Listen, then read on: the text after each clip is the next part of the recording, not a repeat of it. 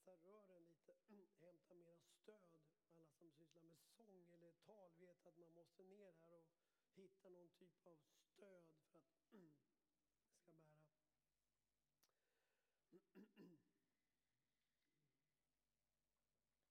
Jag provar. Den, den här bilden känner ni igen från förra föredraget.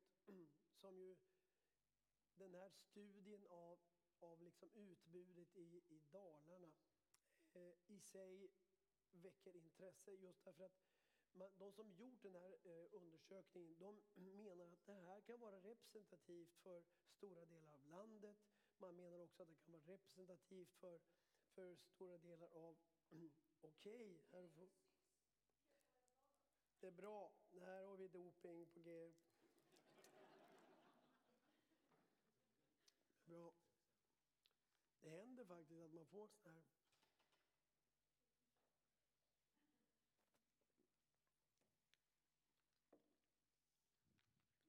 Nu kommer ni att höra hur den här far omkring mellan mina tänder, tror jag. Den skramlar liksom in här.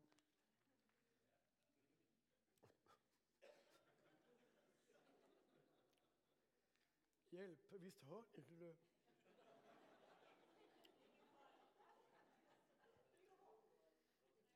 Jag känner ju verkligen... Mickar upp hela munhålan där. Ja. ja, men jag tror det gjorde susen faktiskt. Jag känner jag är på väg att bli stark nu. Då kan jag passa på med lite sån här underhållning medan jag pratar mig fri. Ehm, min, min fru har en kollega som vars eh, ett, ett av eh, barnen jobbar på en växel eh, på ett av de stora sjukhusen i, i Stockholm. Och det är ju faktiskt ett stort äventyr. Somliga ringer liksom och får själavård i växeln. Okej, det är den här nu igen. Liksom. Eh, tar du idag? Ja, det är bra. Mm. För det där, för en del är det en livlina. Och så ringer det fantastiskt roliga människor ibland också. Eh, och en, en, del originella, som den här kvinnan som ringde från Östermalm. Som säger, ja, i vanliga fall brukar jag åka ambulans eller taxi. Men idag känner jag mig stark så att jag tänker åka kommunalt. Hur gör man?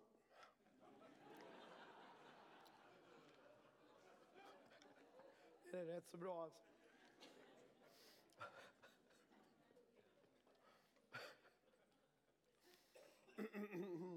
Nu känner jag att det lossnar. Man får tala sig fri. Jo, det, det, är, det här utbudet är i sig intressant därför att när man sammanfattar allt sammans så blir det ett fokus på hälsa och helande. Och jag antydde ju det förra passet att det här är ju en utmaning verkligen för kyrkan. Minst sagt. Och, eh, eh jag, ställ, jag hade den här eh, bilden uppe då.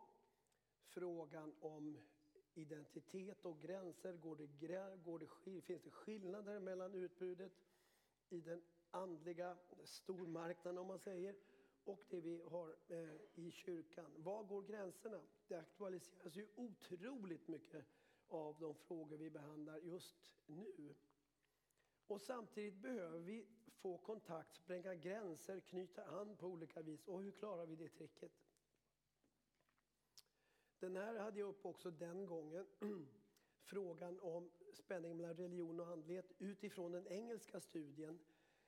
Där man, väldigt, där man följt utvecklingen i en liten engelsk småstad över tid. Och man ser en sakta, liksom en stillsam ökning av alternativ andlighet och en långsam tillbakagång för kyrkorna.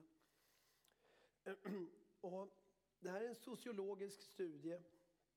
Man fokuserar ju på den här, liksom, det subjektiva livet. Det handlar väldigt mycket om personlig förändring. Människor jobbar med sig själva och vill lära känna sig själva, må lite bättre. Och så kommer man också med en jämförelse mellan olika kyrkotyper i den här, i den här studien och pekar på att eh, somliga kyrkor kommer undan med en förkunnelse om, om helighet enligt ett högre mönster. Om man hjälper människor att få en känsla av personlig förändring. Ni förstår vad jag menar? Alltså man, man, man, om det är en kyrka som förkunnar att Gud är stor, alltså Gud med stor G, liksom. men människor ändå får en förnimmelse av att här kan, mitt, här kan jag kanske få uppleva en förändring i mitt liv. Då kommer man undan med en Gud med stort G. Och det är en liten utmaning. liksom va? Eh, man talar om andra kyrkotyper som har kanske mer horisontell förkunnelse eh, som kanske allmänetisk. Man menar att den, den typen av förkunnelse har svårare att möta den här andlighetens utmaning. Liksom. Och, och det här jag tycker det blir lite intressant. Trons framtid i Sverige, om vi ska följa de här sociologerna som jag, eh, och som jag utvecklat lite handlar om i vad mån människor kan i kyrkan uppleva att här kan mitt liv få vara med om förvandling. Och, och karismatiska gemenskaper eller kyrkor där sådana element finns närvarande eh, i sång, förkunnelse, kanske i förbön, möjligheten att göra erfarenheter sådana sammanhang eh, spelar stor roll. Men jag, har, jag jobbar ju med studentalfa nu på universitetet. Och eh, det är ganska uppenbart att två av dem som kommer till tro på sista två terminer de har gjort det i, i, de har gått till kyrkor också, förutom den här gemenskapen som har varit i kyrkor där det finns ett fokus på sång, lovsång, musik, en slags karismatisk dimension. De har mött Jesus så det sjunger om det liksom, i en sån miljö. Det passar väldigt bra för deras resa om ni förstår vad jag menar. Det finns en personligt erfarenhetsspråk i det här som knyter an. De upplever en förvandling, inte bara i huvudet utan här. Så, så, den här typen av kristendom har eh, framtiden för sig. Mystik skriver jag, och då, med det menar jag att det kanske är bättre att vi skriver kontemplation. Alltså kyrkans egen tradition av eh, stillhet, andlig vägledning och liknande. Alltså det som man sysslar med på Bjärka Säby. Eh, och som man gjort i alla tider i andra kyrkotraditioner. Liksom. Eh, här handlar det ju också om att försöka finna en inre liksom, linje, att, att finna Gud och sig själv i, i det här, i, i det här liksom, intressanta dynamiken. Och det är ganska påtagligt. Vi har ju tysta retriter också vid universitetskyrkan.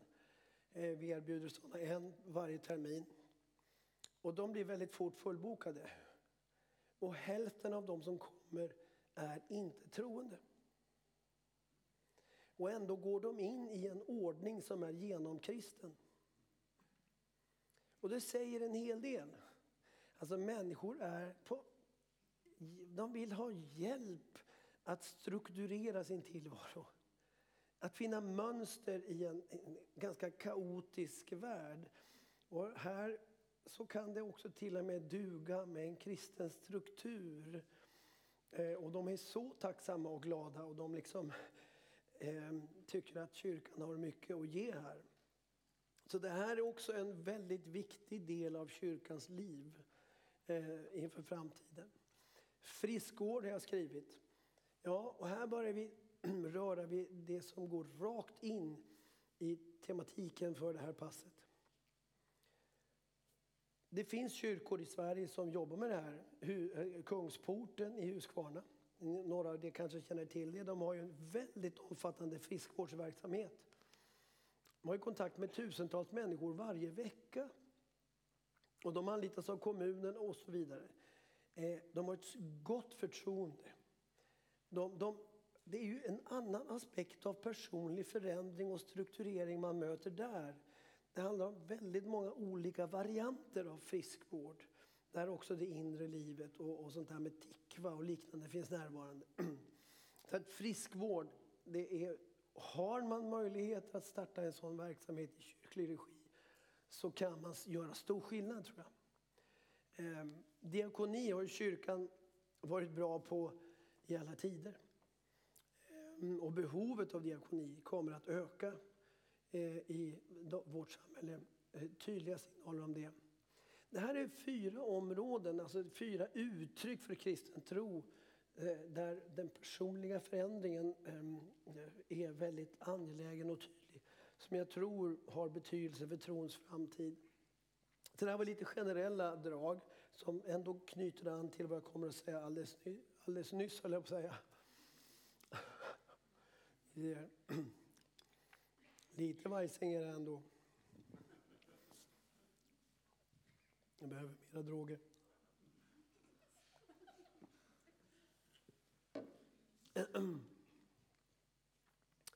Och det är i det här fältet som komplementära mm, terapier kommer in och eh, blivit så självklara och etablerade så att det är liksom anmärkningsvärt. Min, min, eh, min frus syster berättar, ringer och berättar att ja, de var på en eh, fortbildning för tandläkare i Östergötland. Och där så sitter då, plötsligt ska alla tandläkare sitta liksom hålla ihop fingrarna och säga satt namn. Eh, och de tycker att det är lite konstigt. De ja, men vad betyder det? Varför ska vi sitta och säga satt namn? Ja, det är, ett, det är ett mantra inom eh, medicinsk yoga. Jag kommer tillbaka till det. Här avsätts då massor av resurser, mantimmar. Om man ska börja räkna på hur mycket den här dagen kostar. Men då sitter de och håller på med yoga. Ehm, det här, den här broschyren satt, sitter på Akademiska sjukhuset i Uppsala. Mediyoga för patienter med cancerdiagnos på Akademiska sjukhuset.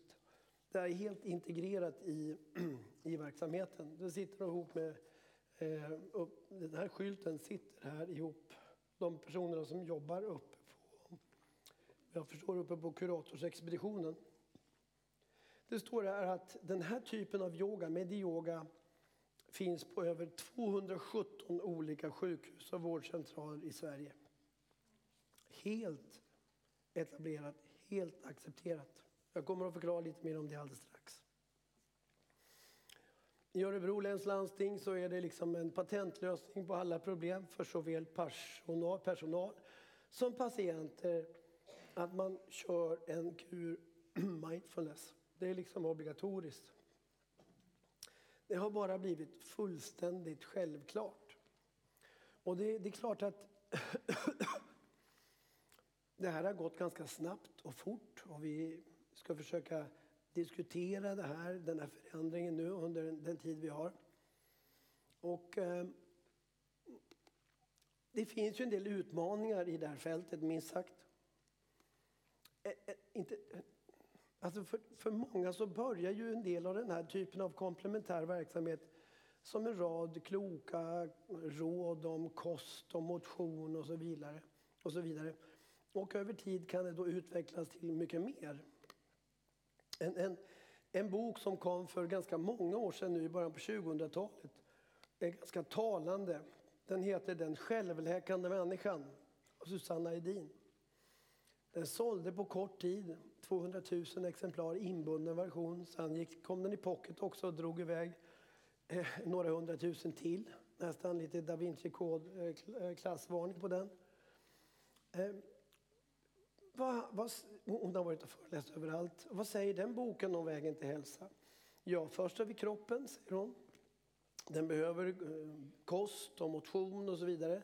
Sen har vi själen, vi behöver också vårda den. Ehm, och sen finns det en tredje dimension och det är livs, alltså, eh, den kosmiska energin. Som kallas för prana i hinduismen eller kundalini eller eller chi eller ki i taoismen. Och så säger hon, för att vi ska må bra så behöver alla de här tre faktorerna samverka.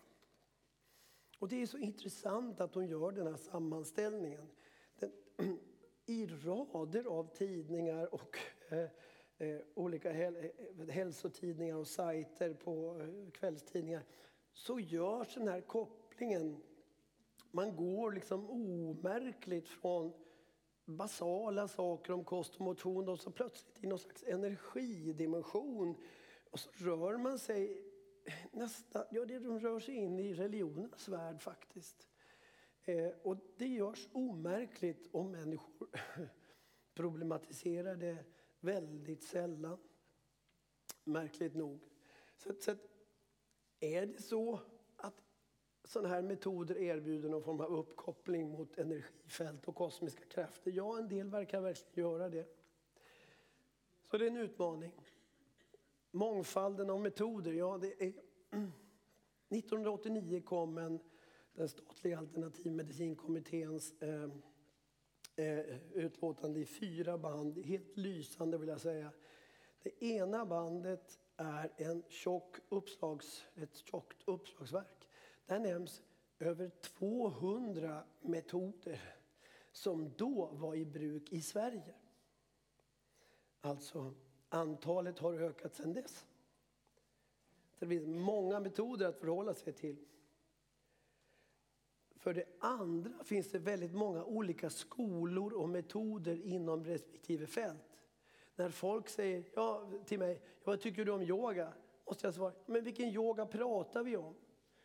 Vad tycker du om qigong? Ja, det finns jättemånga olika sorter. qigong. Vilken qigong snackar vi om? Så det finns olika former. Och för det tredje så är det så tillämpar in, olika instruktörer saker på ett väldigt individuellt och personligt sätt. Kombinerar ihop grejer eh, efter egen fason. Så det är väldigt svårt att komma med generella drag. Här, va? Eh, så, ungefär som att man säger fem punkter. Så. Utan man får göra någon slags sammanvägning av olika faktorer här. Så. Eh, och så snart man kommer in på det här fältet så kan det bli jätteladdat i kristna kretsar. Det finns olika förhållningssätt. Somliga är, vill markera totalt avstånd. Man ser att det är bara problem med det här. Vi ska hålla rent på den här österländska kanten och ställa frågor med varifrån kommer det från början. Man kan också vara jättekritisk till metoder som på något vis liknar sånt som förekommer i Österlandet. En del av den här kritiken kan också bero på att personer haft negativa erfarenheter, eh, kanske gått från en sån här värld och sen in i en kristen miljö och upplevt en stor skillnad. Man kan ha en annan teologisk utgångspunkt också förstås, som gör att eh, den första hållningen, avståndet, blir liksom vägen. En, ja, bra. Eh, en, en motsatt attityd är då ett accepterande snarare än avstånd. Där man inte ser några som helst problem och tycker, ja men vadå, det, det är väl bara att tuta och köra. Eh, jag har ju flera personer som kontaktat mig eller i samband med sådana här föredrag som idag säger att det och det hände i den och den kyrkan. Eh, vad tycker du om det? Och då blir jag lite förvånad. Och det är uppenbart att man i somliga sammanhang eh, kanske inte har tänkt igenom hur man ska integrera eller reflektera sådana här frågor överhuvudtaget i sin verksamhet. Det kan ju också bero på att man i grund och botten har en, en annan teologisk grundsyn som är mera inkluderande. Det kan också bero på att man har haft väldigt positiva erfarenheter av den här komplementära behandlingar och fått hjälp av det. Och så tänker man, ja men det här är inga problem i det. Och så tillämpar man det som en grundhållning. Eh, jag tycker att båda de här hållningarna, ettan och tvåan, eh, eh, har sina poänger. Men framförallt, jag tycker att de förenklar för mycket. Så jag vill lyfta fram en tredje väg som, som vi pekar på att men det finns verkligen problem som vi måste diskutera, förhålla oss till såväl enskilt som församlingar, som samhälle. Och samtidigt kan vi fråga oss, finns det möjligheter att återvinna skapelsen? Om ni förstår vad jag menar, för i dagens läge så är hela kroppsfältet, hela den sidan av det mänskliga livet, vi har släppt det till andra aktörer. Kyrkan gör ingenting med kroppen. Eller hur? Ja, klart. Vi, jag växte upp eh, i Svenska Motionsförbundet. Fotboll och volleyboll, jättebra. Men bortom det, innebandy, somliga samfund är jättebra på innebandy. Eh, ja, så här kan man hålla på. Men alltså, det finns ju ytterligare steg att ta. Eh, och under Häromåret så, så började jag fundera i de här banorna. Det kom en modell för mig. Då hade jag läst ännu en sån där bok som väldigt bra beskriver problem i det mänskliga livet. Alltså, jag kunde känna igen mig. Ja, men det här sätter fingret på något viktigt som, som handlar om hur vi människor funkar. Yes. Och så samtidigt alltså, hur vi människor fungerar på skapelseplanet. Rent biologiskt, fysiologiskt, psykologiskt och så vidare. Och samtidigt när, han ska, när problembilden är klar så drar han iväg upp i någon av de här lådorna. Hinduism, new age, taoism eller buddhism. Man kommer med liksom en jättebra analys av det mänskliga och sen drar man upp det i en annan förklaringsmodell eller lösningsmodell. I en andlighet, en teologi, eller filosofi eller ideologi som inte är, liksom, som är mer österländsk. Det händer ju i aldrig i stort sett att man hamnar i den lådan, i den kristna boxen, eller hur? Och det är det här som jag menar är det intressanta. Kan vi återvinna skapelsen till skaparen? Det är liksom, wow, tänk! Om vi skulle kunna börja reclaima lite mer. Hämta hem skapelsen till skaparen. Ja, och det är här man på något vis hamnar i intressanta resonemang. Då, va? Eh, som kan bli så här om jag får, full, liksom, får tänka lite fritt. Ja. Om vi ska tillämpa den här metoden som jag förespråkar till exempel när det gäller yoga. Ja, det finns ju väldigt många olika sorters yoga. Allt ifrån mera fysiska som ashtanga yoga, power yoga och så vidare. Man blir svettig av liksom, lite mera gymgrejer. Allt ifrån det till de mera meditativa som kundalini-yoga och annat. Där det handlar väldigt mycket om energicentra och krafter och hit och dit och mantras och så vidare. Eh, som ju är mycket, mycket andligt laddade. Och en människa som kanske går på yoga, eh, en, en, del som går på yoga de kanske aldrig kommer i kontakt med den sidan av det hela. Men, men om man börjar med yoga och kanske håller på med övningar och vill gå vidare så kan, ju, så kan det ju bli som när jag för en hel del år sedan nu började klicka på några sajter som beskrev, beskrev olika yogaövningar. Ja, men vill du läsa mer om yoga, klicka här. Och så hamnade jag på sidor som säger yoga kommer från ett, ett, ett ord som egentligen roten ordet jog som betyder ok eller, eller förening. Och poängen med yoga är förening. Förening mellan människa och Gud. Det är den ursprungliga innebörden. Så att yoga har detta som, som utgångspunkt i den traditionella betydelsen. Och det är klart att när du börjar träna så kanske du får eh, liksom blir nyfiken, vill fördjupa dig och då finns den här skol, skolningsvägen där va, som en möjlighet för dig om du vill gå vidare. En del, och det beror ju också på vilken instruktör folk, eh, folk stöter på. Så att, en annan as intressant aspekt det är ju det här med synen på kroppen. Jag har ju, det har jag inte berättat om, men jag har ju levt eh, i Indien eh, eh, ett halvår och flera månader på ett, ett ashram där man sysslade med yoga dag och natt. Liksom. Och jag gjorde det som en del av ett studieprojekt och som en del också att knyta an, att lära känna människor i de här miljöerna och se, se hur man kunde få till stånd en dialog och en möjlig förändring.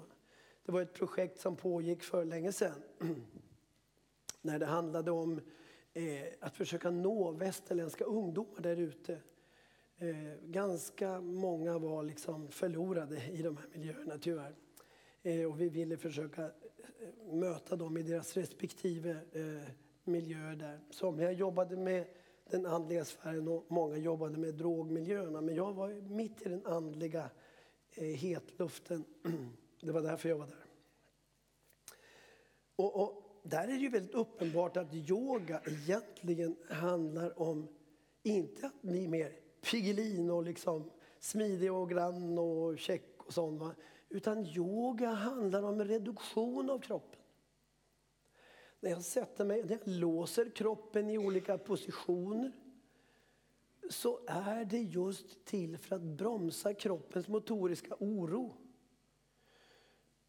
Jag ser när ni sitter här, ni sitter och pillar liksom bara, ja du sitter, ja visst du rör händerna där och alla håller vi på med något. Ja du sitter där.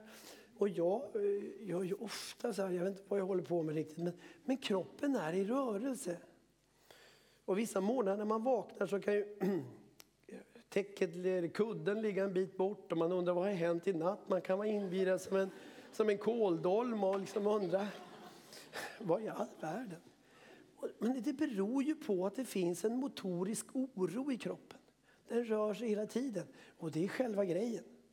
Alltså vi är skapta för rörelse. Men i yogan så vill man bromsa den här rörelsen. Reducera den aspekten av kropps, kroppsligheten. Och det är därför man låser kroppen i position.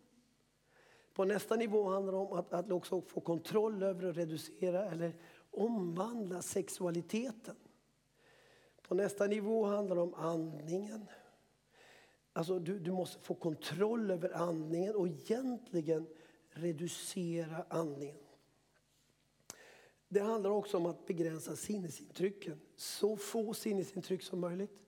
Jag har ju träffat personer som sitter i grottor i veckovis och inte tar emot några sinnesintryck alls. En reduktion. Och tanken, visst om vi är rörliga i kroppen, vad är då vi inte i knoppen? Alltså, ni kan ju vara vart som helst i hela världen just nu. Jag har ingen koll. Ni kanske inte själva har någon koll heller. Alltså, tanken drar iväg. I, I Indien så talar man om människans inre som en flock apor som tjattrar där uppe i träden och lever rövare och liksom så. Så tricket blir att få att ta koll på de där aporna helt enkelt. Få dem att sluta tjattra. Och hur gör man det? Jo, det är när man bombarderar dem med såna här mantras. Alltså kraftladdade formler som får liksom att de att lugna ner sig, så att få sinnet att lugna ner sig. Man skjuter bort alla ovidkommande symboler och associationer så tanken bara fixerad på en enda punkt. Det handlar om en reduktion av olika uttryck för kroppsliga och tankemässiga processer. Det är själva poängen. Men, men det, det, kommer inte särskilt mycket fram eh, i, i, i Sverige av idag. Och då, utan det framstår mer som en typ av motionsyoga. Men, men så, den aspekt, de här aspekterna finns där. Två exempel på problem som behöver aktualiseras.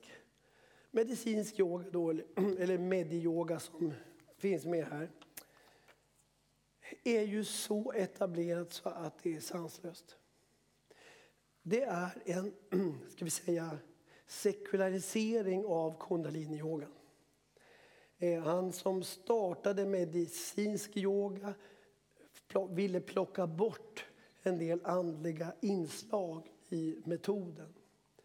Men han har fortfarande mantras med exempelvis det här Satnam som jag eh, så att säga, eh, citerade förut.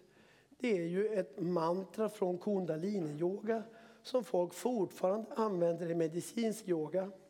Som betyder att man tillber den, den inre gudomligheten.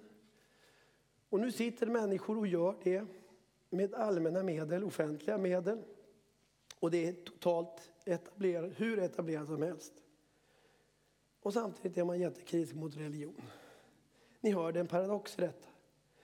Här behöver vi liksom vara medvetna, tänker jag, individuellt, som kyrkor, som samhälle.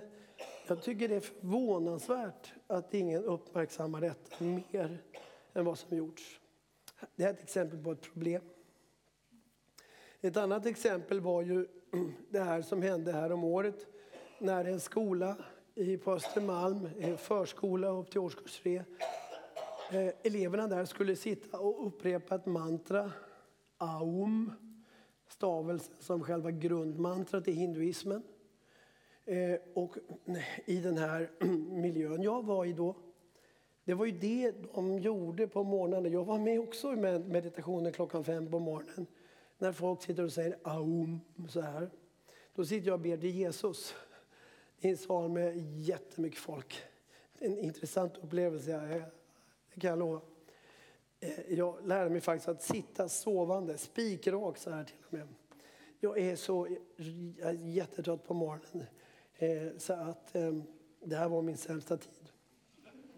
Eh, men jag var där och jag bad och ibland somnade jag också. Men det är så intressant. Varför använder man det ordet aum? Jo, det är grund...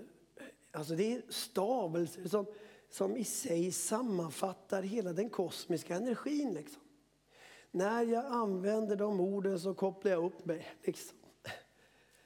Dessutom, orden, bokstäverna AUM representerar de stora indiska gudarna Brahma, Vishnu, Shiva. Så att inget neutralt ord precis. Som barnen ska sitta och köra med. Så det gjordes en anmälan till Skolinspektionen. Och det kom ett utlåtande från Skolinspektionen som var undermåligt. Ja, jag kan strimla det i bitar innehållsligt. Sum summeringen av det är som följer. Att det är helt okej okay att använda mantrat aum om det görs citat med fokus på hälsa och välbefinnande. Då kan man ju omedelbart ställa en motfråga. Hur skulle det vara om vi använde ord som Jesus och Allah med fokus på hälsa och välbefinnande? Det skulle bli ett riktigt röj då, eller hur? Men alltså, det är märkvärdigt. De orden har samma status som aum liksom, i respektive tradition. Men när det gäller religion, alltså, till exempelvis orden och ordens betydelse är ju väldigt viktig i den politiska debatten. Man kan ju prata hur länge som helst om varför sa du det där och vad menar du med orden. Men när det, när det gäller religion så kan man privatisera ord hur mycket som helst. De betyder ingenting. De betyder bara vad du lägger i dem. Ja, men så enkelt är det väl ändå inte med orden och ordens betydelse, tänker jag. Här finns det en del att säga och en del att debattera. Liksom. Det här är exempel på problem, minst sagt, som vi skulle kunna aktualisera mer. Mm, ja. Men om vi går tillbaka till den här grundmodellen då. Där uppe i den renodlade andligheten, teologin, filosofin. Där är det föreningen med Gud som yoga handlar om. Och till och med en reduktion av det kroppsliga. Men om vi går ner här då är en del av de här kroppsövningarna, de enkla kroppsövningarna, ja, en del av dem kanske svarar mot hur vi människor är ihopskruvade. Mot vår fysiologi, vår biologi. Det kanske finns något välgörande i de här övningarna. Det är ju vad många har faktiskt eh, också upptäckt. Eh, kroppsrörelserna i sig kanske inte är ett, det stora problemet. Andningsövningarna också har en eh, i de enkla versionerna, det finns ju tusentals pranayama som de heter. I den enklaste versionen så, så kanske det finns någon slags lärdom. En signal till oss i kyrkan. Hur skulle återvinningen av skapelsen se ut här?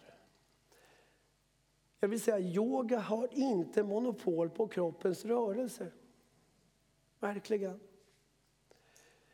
Många av de här rörelserna är precis sådana som görs i gymnastik, gymnastik, vanlig gymnastik, i stretching. Precis de här rörelserna gör man i stretching eller lovsångsdans i kyrkan. Jättemycket rent rörelsemässigt liknar sånt som vi gör i andra sammanhang. Tror vi att en enstaka rörelse skulle få mig uppkopplad mot fel krafter eh, så tror vi för mycket om de krafterna och för lite om Gud. Kan jag säga. Eh, så att rörelserna as such eh, kanske är mindre av ett problem. Andningen då? Ja, i den kristna kontemplationen ber man också. Andas och ber Jesusböner och så vidare. Inga konstigheter. Det, är liksom, det behöver Andningen används ju också i sekulär stresshantering. Utan någon tolkningsram överhuvudtaget som är kopplad till religion. Så att, att, att lära sig hur man andas, det är någonting väldigt bra. Det kan ju påverka stressnivåer helt, helt avgörande. Det, det jag tycker är, är riktigt, där jag vill totalt markera avstånd, det är ju när man använder mantras eller jobbar med andra mer avancerade inre bilder. Där, där tycker jag att det, det, är inget snack om den saken. Där, där får man vara verkligen vaksam eh, och markera distans, om man säger så. Och samtidigt när jag, säger, när jag gör det här resonemanget så, så får man också ta personliga erfarenheter, hänsyn till personliga erfarenheter. För somliga människor kan en sån här rörelse väcka någonting dåligt. Eh, man kan må dåligt av saker, speciellt om man har erfarenheter från de här miljöerna. Kroppen minns ju också, det finns ju kroppsminnen och så vidare. Eh, och, och om människor upp, som också kanske är sköra andligt sett eh, upplever att det här blir ett problem, då, då kanske man ska vara försiktig. Men ni ser, det finns en liten en mån här, en tolkningsmån beroende på vem man är. Hur grundad man är i sin tro, hur rotad man är och, och så vidare. Eh, så här kan man resonera, typ. Och ni kommer att få ställa lite frågor sen också. Eh, yes. Mindfulness då, den här andra patentlösningen på alla problem, är ju är det, är, är det bara en sekulär terapi eller en buddhistisk livssyn? Ja, det är lite, ändå lite anmärkningsvärt att det så snabbt har blivit så accepterat utan att folk ställer frågor. Och det är klart, en människa som börjar med mindfulness kan ju bli nyfiken och det kan vara en, en steg på vägen mot ett religionsbyte eller en introduktion till religion kanske för första gången att det är klart att det kan vara en skolningsväg, helt klart. Eh, och samtidigt så kan man fråga eh, vad händer med den här väldigt avskalade sekulära mindfulness-metoden? Jag kommer tillbaka till det alldeles strax. Men om vi... Ja. Finns det någon som har provat mindfulness här?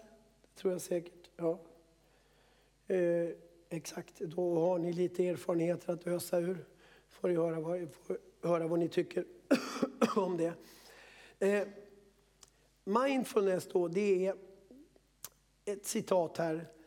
på ett icke-dömande sätt observera innehållet i den ständiga strömmen av tankar, känslor, fantasier, minnen, kroppsliga sensationer, begär och drifter utan att fästa något avseende vid deras värde. Jag ska försöka bryta ner det här lite. Exempelvis, jag, jag kan ju ligga vaken en natt och börja tänka på olika saker som är mer eller mindre skruvade. Det tror jag vi alla varit med om. Eller vi kan ha förnimmelser i kroppen som jag var i all världen. Jag är på stroke nu igen. Eh, ursäkta att jag, jag, jag, jag skojar. Men alltså vi har ju förnimmelser och tankar som kommer och går. Mindfulness vill träna upp en distans till den här reaktiva förmågan som vi har i oss. Vi ställer oss lite vid sidan av och betraktar det förloppet. Ja, men här ligger jag och tänker så här, eller nu känns det så här. Alltså man distanserar sig, man identifierar sig inte helt och hållet med tankar, känslor och förnimmelser som kommer och går. Och bara i den här distanseringen så sker en avladdning. Eh, ju, som många pratar om eh, är positivt. Eh, som är en del av förklaringen till att somliga kan uppleva det eh, positivt. Eh, eh, nu är ju frågan då, är det, hur pass hur ser studierna ut av det här? Man kan ju ifrågasätta en del av de här studierna också. Skulle man kunna få samma effekt genom att eh, be till Mecka fem gånger om dagen? Förmodligen. Skulle man kunna få samma effekt av lite motion? God samvaro med andra människor? Alltså, här är de studier som har kommit inte tillräckligt bra gjorda, rent ut sagt. Eh, man kan inte, om man skulle då jämföra, man har bara jämfört med människor som inte går i behandling. Eh, man borde snarare jämföra med sådana som går i andra former av behandling för att få liksom en mer säker status på det här. Va? Men, men hur som helst, tillräckligt många rapporterar om att det här är värdefullt för att det ska bli en stor grej. Om vi kör den här modellen igen. Det är klart, mindfulness, den här träningen i att distansera sig från tankar och känslor och så vidare. Det är en, ett steg på vägen i en medveten träning att liksom få dig själv att förstå att det finns inget jag. Det är ingen alltså, det är ju liksom poängen med buddhismen, verkligen. Alltså det, det, det, det, finns ingen kärna i människan, det finns inget jag där. Utan du är en ström av intryck och impulser. Och när du tränar dig att betrakta dig själv från sidan så förstår du att det kommer en ström av tankar och impulser.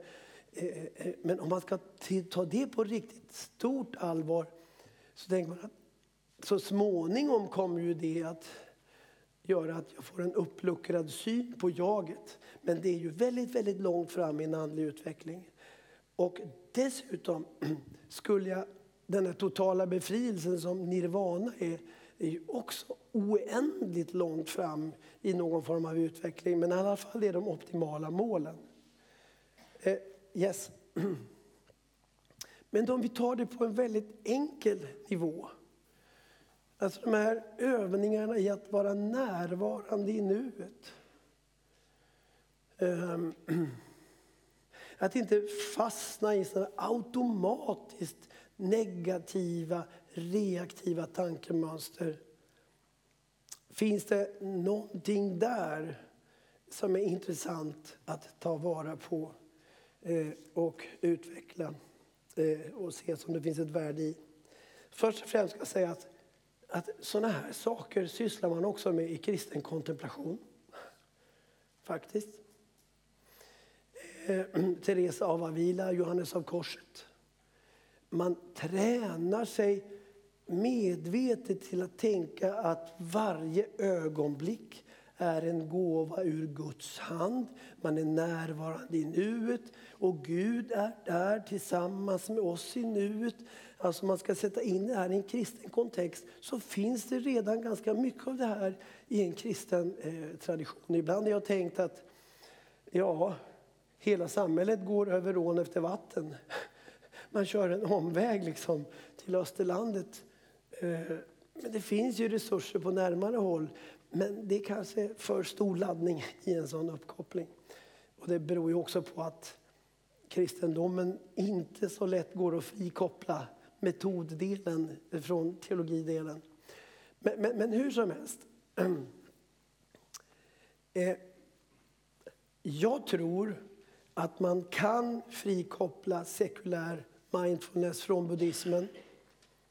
Men det är inte givet att detta sker. För det beror helt och hållet på vilken lärare man har, vilken miljö man rör sig i, vilka val individen gör. Så att det är inte givet att det händer. Men jag tror att det går att koppla loss religionen i enstaka fall. Ja. Det här är ett exempel. Den här boken kom 2017 av Brian Draper. Soulfulness. Brian Draper är inte vem som helst. Han förestår John Stotts institut i London. London Institute for Contemporary Christianity. Alltså den som har varit liksom riktlinjen för det evangelikala om man säger så. Det är John Stott. Han är den store liksom, riktkaren. Brian Draper jobbar där nu. Och han, han använder sekulär mindfulness. Det är väldigt viktigt att den här sekulära eh, metoden som nu används på många håll, han tar det som en trampolin för att gå till en kristen livssyn. Varför heter den soulfulness? Jo, därför, hans poäng är den här. Det är inte så att vi bara stillar oss för att någon form av tomhet. Nej, det finns en närvaro innerst här också. En fullhet. Själet, Gud är närvarande i vårt inre. Soulfulness, Gud talar i vårt innersta, i själen. Och därför så, liksom, så, så skruvar han lite på den här kalkylen och pekar på han leder människor, vill leda människor till tro. Det här är egentligen evangelisationslitteratur alltså, skulle jag säga.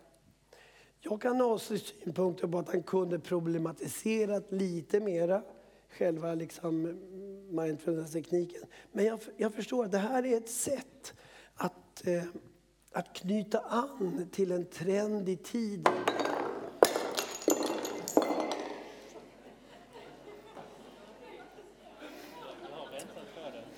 De har suttit där på första bänk och väntat på det. Eh, det är bra. Nu, det springer människor och hämtar hinkar. Och, eh, ja, herregud. Är det lugnt? Har ni bra lack i den här parketten? Det är det är såna här saker man kan bli oenig om med sin hustru. Jag är väldigt kinkig när det gäller trä och vatten. Så. Skulle jag tillämpa min filosofi skulle jag ligga och gnugga nu bara. Eh, som det här är ett intressant eh, exempel. Eh, Tim Steed, en, en engelsk kyrkoherde, gör något liknande fast han kallar det bön och medveten närvaro. Den här boken kom på Verbum 2017. Där pekar han på hur sekulär mindfulness kan vara en väg till kristen tro. I båda de här böckerna så öppnas det upp för evangelium, alltså på sikt. Va? Det här är ju, det är ju steg på vägen. Snarare att man köper mindfulness eh, rakt av. Också, jag tycker han kunde problematiserat lite mera här och liksom sett att ja, det finns ändå frågor att ställa. Och samtidigt kan jag förstå om man vill få människor som redan tycker mindfulness är superbra att ta ett steg till så kan jag se att man inte kör upp någonting i, i, i truten på dem eller kör ner någonting i halsen på dem. Ni förstår vad jag menar. Det är någon slags pedagogik i det här. Eh, eh, ja. Ett, en annan metod är Christfulness av en dansk präst som heter Ole Skerbäck Madsen, som jag känner mycket väl. Han har väldigt fina såna här meditationer, ligger ute på Youtube, som är genom... Alltså, alltså det är totalt Kristuscentrerade meditationer. Eh, ja, jätte, jättebra.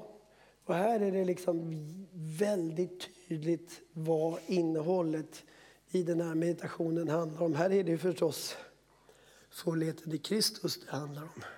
Inte ens soulfulness utan Christfulness. Va? Så att, ja, jag vill tipsa om det här. Andra försök att knyta an är ju tikva. Hur många har hört talas om tikva? Några, ja.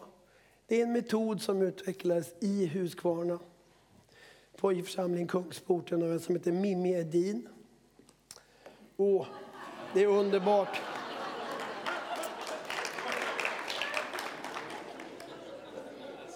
Det kallar jag, vad ska man kalla det?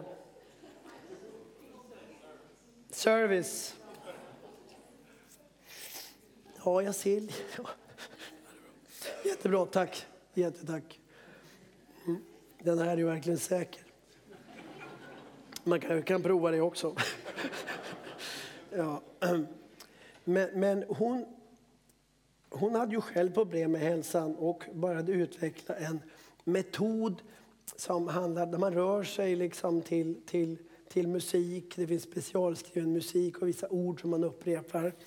Eh, det här är en het fråga. Det finns en, en sajt på nätet som heter Bibelfokus som, som många har läst. När man slår Tikva så hamnar man på Bibelfokus.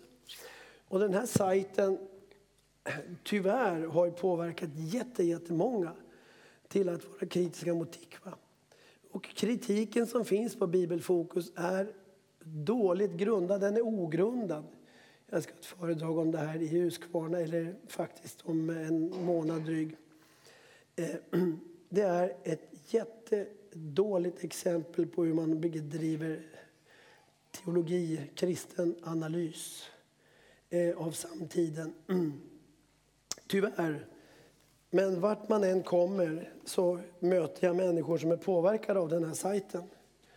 Som tycker kanske att den där boken borde inte finnas på bokbordet. Och så lämnar man församlingen. Alltså den är väldigt strikt i sin tillämpning av vad som är okej okay eller inte okej, okay, den här bibelfokus. Eh, vilket gör att folk lämnar församlingar. Så att det, det, då hör ni att det, det är egentligen en väldigt, väldigt smal rimpa av verkligheten som ryms i den tolkningen. Hur som helst. Eh, så Tikva vill jag rekommendera. Oasträning är en, någonting som utvecklas av en danslärare som heter Johanna Ström. Eh, som kom från Örebro trakten. Hon kom från Örebro. Och där man också rör sig till musik. Eh, och jag har provat det här och jag vet ett helt gäng i Örebro som har testat det och är supernöjda. Och anledningen till att vi startade upp en grupp i Örebro det var ju en kompis till mig som jobbar på universitetet som sa jag har så svårt för att be, liksom, eh, att kunna vara koncentrerad i bön. Eh, jag blir splittrad. Ska man behöva gå på yoga för att få hjälp att be? säger hon. Ja, visst. Så då körde vi den här oasträningen. Och det fungerar jättebra. Alltså det, det, är, det är träning för vissa kroppsfunktioner, core, liksom, kroppen, som är jättebra. Plus den här eh, hjälpen att fokusera i bön. Och när man, det är klart, när man rör sig här och, och Johanna läser liksom, vi ska stå så här, så läser Johanna, stå, stå fasta var stadigt rotade i Kristus. Det är klart att det finns en väldig power i det, eller hur? Och här finns det hur mycket som helst för oss att utveckla i olika riktningar. här. Hur, hur använder vi oss av kroppen i bönen? Liksom? Eh, med tanke på så knasiga eh, kroppsliga liv vi har idag. Va? De flesta av oss sitter stilla stora delar av dagen. Liksom vi, vi, har, vi har jättemånga svenskar har problem med, med får ingen ordning på kroppen. Liksom. Och här, här behövs det metoder som möter den här situationen. Kristen djupmeditation skriven av Wilfrid Stinnesen, en bok som kom för många år sedan. Jag får frågor i stil med ja, men meditation, är det okej? Okay? Och säger ja, själva ordet kommer från den kristna traditionen. Det är där det först används. Sen har det kommit att förknippas med österländska grejer. Men det i sin, själva ordet har sin förankring i en kristen tradition där man liksom från tidigt, tidigt idisslade Guds ord. Använde sig av Guds ord i bönen. Liksom. I boken Kristen djupmeditation, hela första kapitlet pekar Wilfrid Stinnesen på skillnad, de stora skillnaderna mellan en österländsk meditation och en kristen meditation. Det är fullständigt lysande. Och vi gjorde i ett nummer av Nod en, en, en, en förkortning och förtätning av det här kapitlet. Och i en bet, hade jag inte åkt vidare så hade jag kanske haft med mig en bunt sådana. Men det är värt att läsa det här eh, första kapitlet och det är värt att se vad Wilfrid skriver också om, om i resten av boken. Men det här är exempel på hur man kan knyta an till behov i tiden. Eh, ja, nu ser jag att tiden går här. Eh, ja, du kan se. Ja, det här med akupunktur, vi kanske kan hoppa det och ta det i frågestunden. Vi, vi kan köra det. Vi, vi, eller vad, jo, men jag, vi, vi kör förbi här och qigong också. Och så hamnar vi här. Vi kan ta en del i med mina frågeformat också.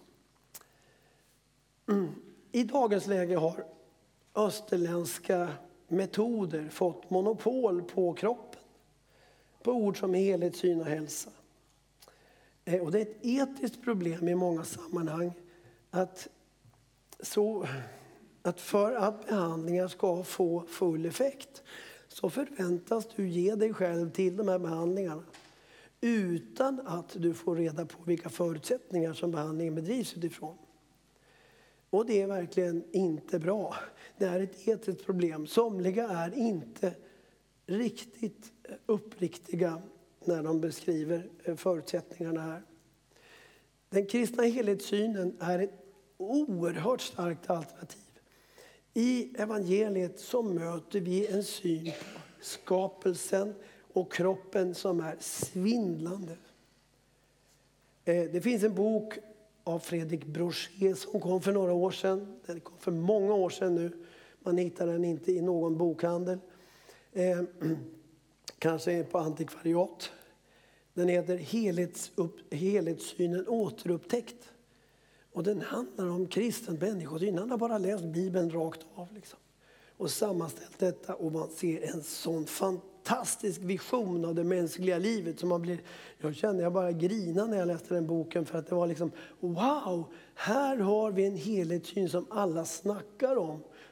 Liksom, fast här har den en teckning. Det ironiska med den helhetssyn som finns i Österlandet och New Age, det är ju att man egentligen lämnar kroppen i slutändan.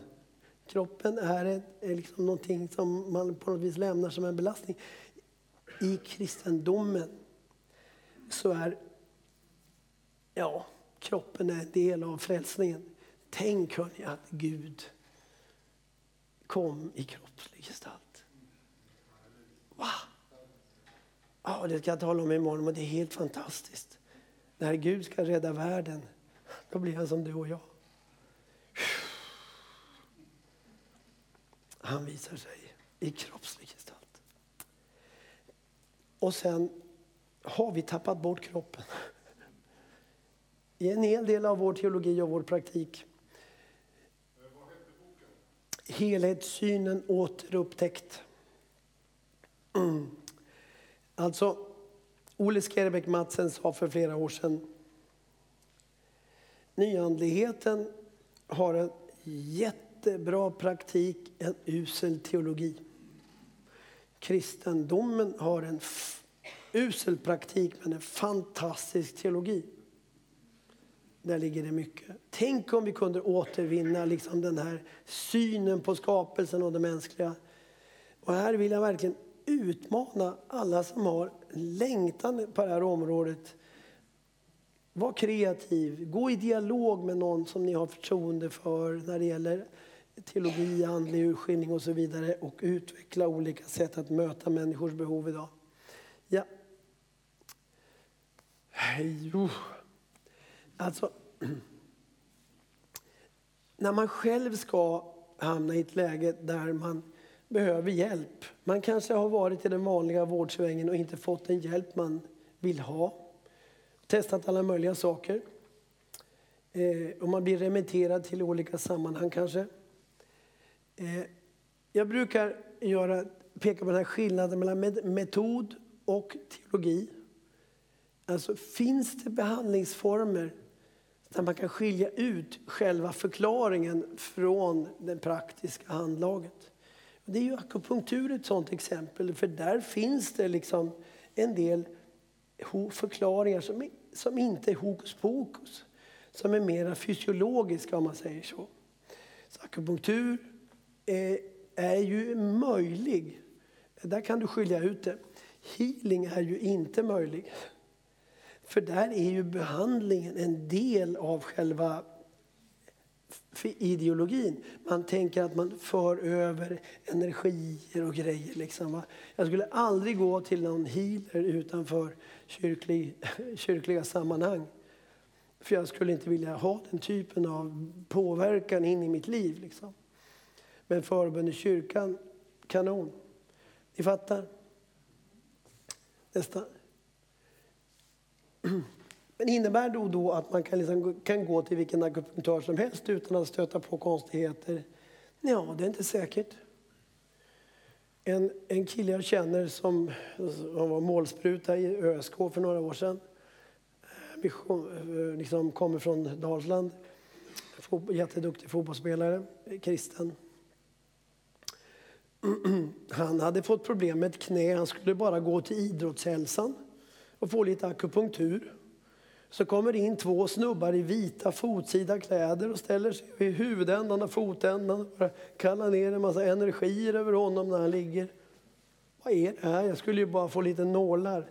Alltså de där gökarna höll ju på med någon typ av energigrej. Va? Så att somliga akupunktörer kan mixa så. Så att det är viktigt att veta vem man går till. Och, eh, så sätt. Va? Går man till ett ställe på stan, vilket som helst, så kan man ju riskera att få en dos saker som kanske inte som skulle kunna vara dåligt. Eh, och eh, ja, tidigare har jag sagt så här att om man blir remitterad till någonting från en vanlig, via en vanlig vårdcentral så är det mer okej. Okay. Men jag är inte säker på att det gäller längre eh, som saker har utvecklat sig faktiskt. Men hur som helst. Så det är viktigt vem man går till. Vi är ju ett gäng som brukar gå i fjällen och fisk, eh, fiska flug, flugfiske och vandring i fjällen.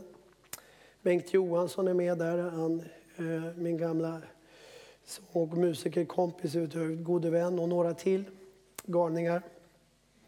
Vi har varit samma sekt i sen början på 80-talet. Då anar ni vidden av det här vansinnet. Typ. Med ett av tillfällena när vi hade vandrat väldigt långt med tung packning genom en myr och upp längs en bergssida där det var ingen vind alls, men broms och mygg. Det var helt förtvivlat. Liksom. Vi kände äntligen kom vi upp där och får sätta oss ner. Ehm, och vi var så trötta. Vi tar av oss stövlarna och kängorna. Då började en av killarna att massera våra fötter. Liksom. Plötsligt så kände vi oss helrenoverade hela bunten. Vad gjorde du där? Ja, jag tryckte lite på... En kille då i gruppen som har haft besvär med ryggen som har lärt sig liksom massera fötterna, typ. Jan-Inge heter han. Och om Jan-Inge masserar mina fötter har jag inga som helst problem. Men om det skulle sitta någon annan snubbe där och vilja påverka mig med olika energiflöden så kanske jag skulle känna nej, det här vill inte jag vara med om. Så att ni ser, det är viktigt vem man går till. Och en sak, det finns tydligen förbindelser mellan fötterna och resten av kroppen som vi inte känner till. Det här är förbindelser som den etablerade vården inte har en aning om. Det, det, det, vi är mer mystiska än vi tror. Eh, så att gåvan att skilja mellan olika terapeuter är viktig.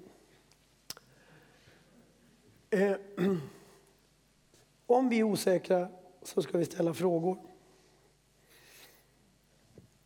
Om vi inte riktigt eh, alltså, vet utifrån vilka förutsättningar behandling bedrivs så får vi vara frimodiga. Hur tänker du om den här behandlingen? Om det då är någon som börjar susa runt lite med energier och yin och yang och så kan det väl kanske ligga lite lågt om vi säger så. Eh, lita på Andens ledning, ja visst. Gåvan att skilja mellan andar, inte bara terapeuter, är ju också ännu mer viktig. Och här tror jag att vi var och en av oss har inom oss någon slags bedömningsförmåga. Så att vi kan känna på oss om någonting är bra eller dåligt. Om vi ska stå kvar eller gå tillbaka. Och inte ens, till och med när man kommer i skarpa lägen, som jag gjorde. Jag vill inte, jag vill, jag vill inte rekommendera det här som jag gjorde nu. Men, men alltså jag, var, jag hade haft problem med en whiplash-grej för 15 år sedan, drygt. Mer nu. Tiden går fort. Och hamnade i någon slags karusell av olika behandlingar. Och då fick jag vid ett tillfälle stark rekommendation på en naprapat som alla snackade om och som var jättebra. Så jag gick till honom och tänkte, det, är ju, det här är ju inget hokus pokus i naprapati liksom. I regel är det inte det. Men när jag ligger där på britsen och han börjar värma och greja så kände jag, ja, han gör något. Jag i mitt inre blir så påtagligt uppmärksam på Kristi närvaro i mig. Det var enormt. Vad Kristus blev närvarande för mig där jag ligger på bänken. Och jag tänker, oh, han håller på och försöker någonting. Men det funkar inte. Det går dåligt för honom. På den nivån, det fysiologiska gjorde han bra. Jag vill inte säga att, att, ni ska göra som jag gjorde, men jag, tänkte, jag var så duktig så jag gick till, till honom två gånger till. Ja? För jag, visst, jag kände att han kommer inte åt mig. Um, och när vi skulle skiljas efter tredje gången, jag hade inte pratat ett ord om vem jag var eller vad jag gör. Så säger han bara, du är kristen va? Skojar du? Så jag. Men ni, ni förstår, han hade känt någonting. Han hade känt Kristi närvaro. Och det här är ju en väldig, väldig styrka. Den som bor i oss är starkare än den som bor i världen. Helt enkelt. Och det kan vi utgå från i alla lägen, tänker jag. Det behöver inte vara klang och jubel och, och, och trumpetfanfarer och sånt. Utan det är en grundförutsättning. Jag, jag vill inte rekommendera folk att göra som jag gjorde. Eh, om, man, om man inte har täckning för det, som jag kände att jag hade. Jag vill inte säga att ni ska göra som jag. Men det här är ett intressant exempel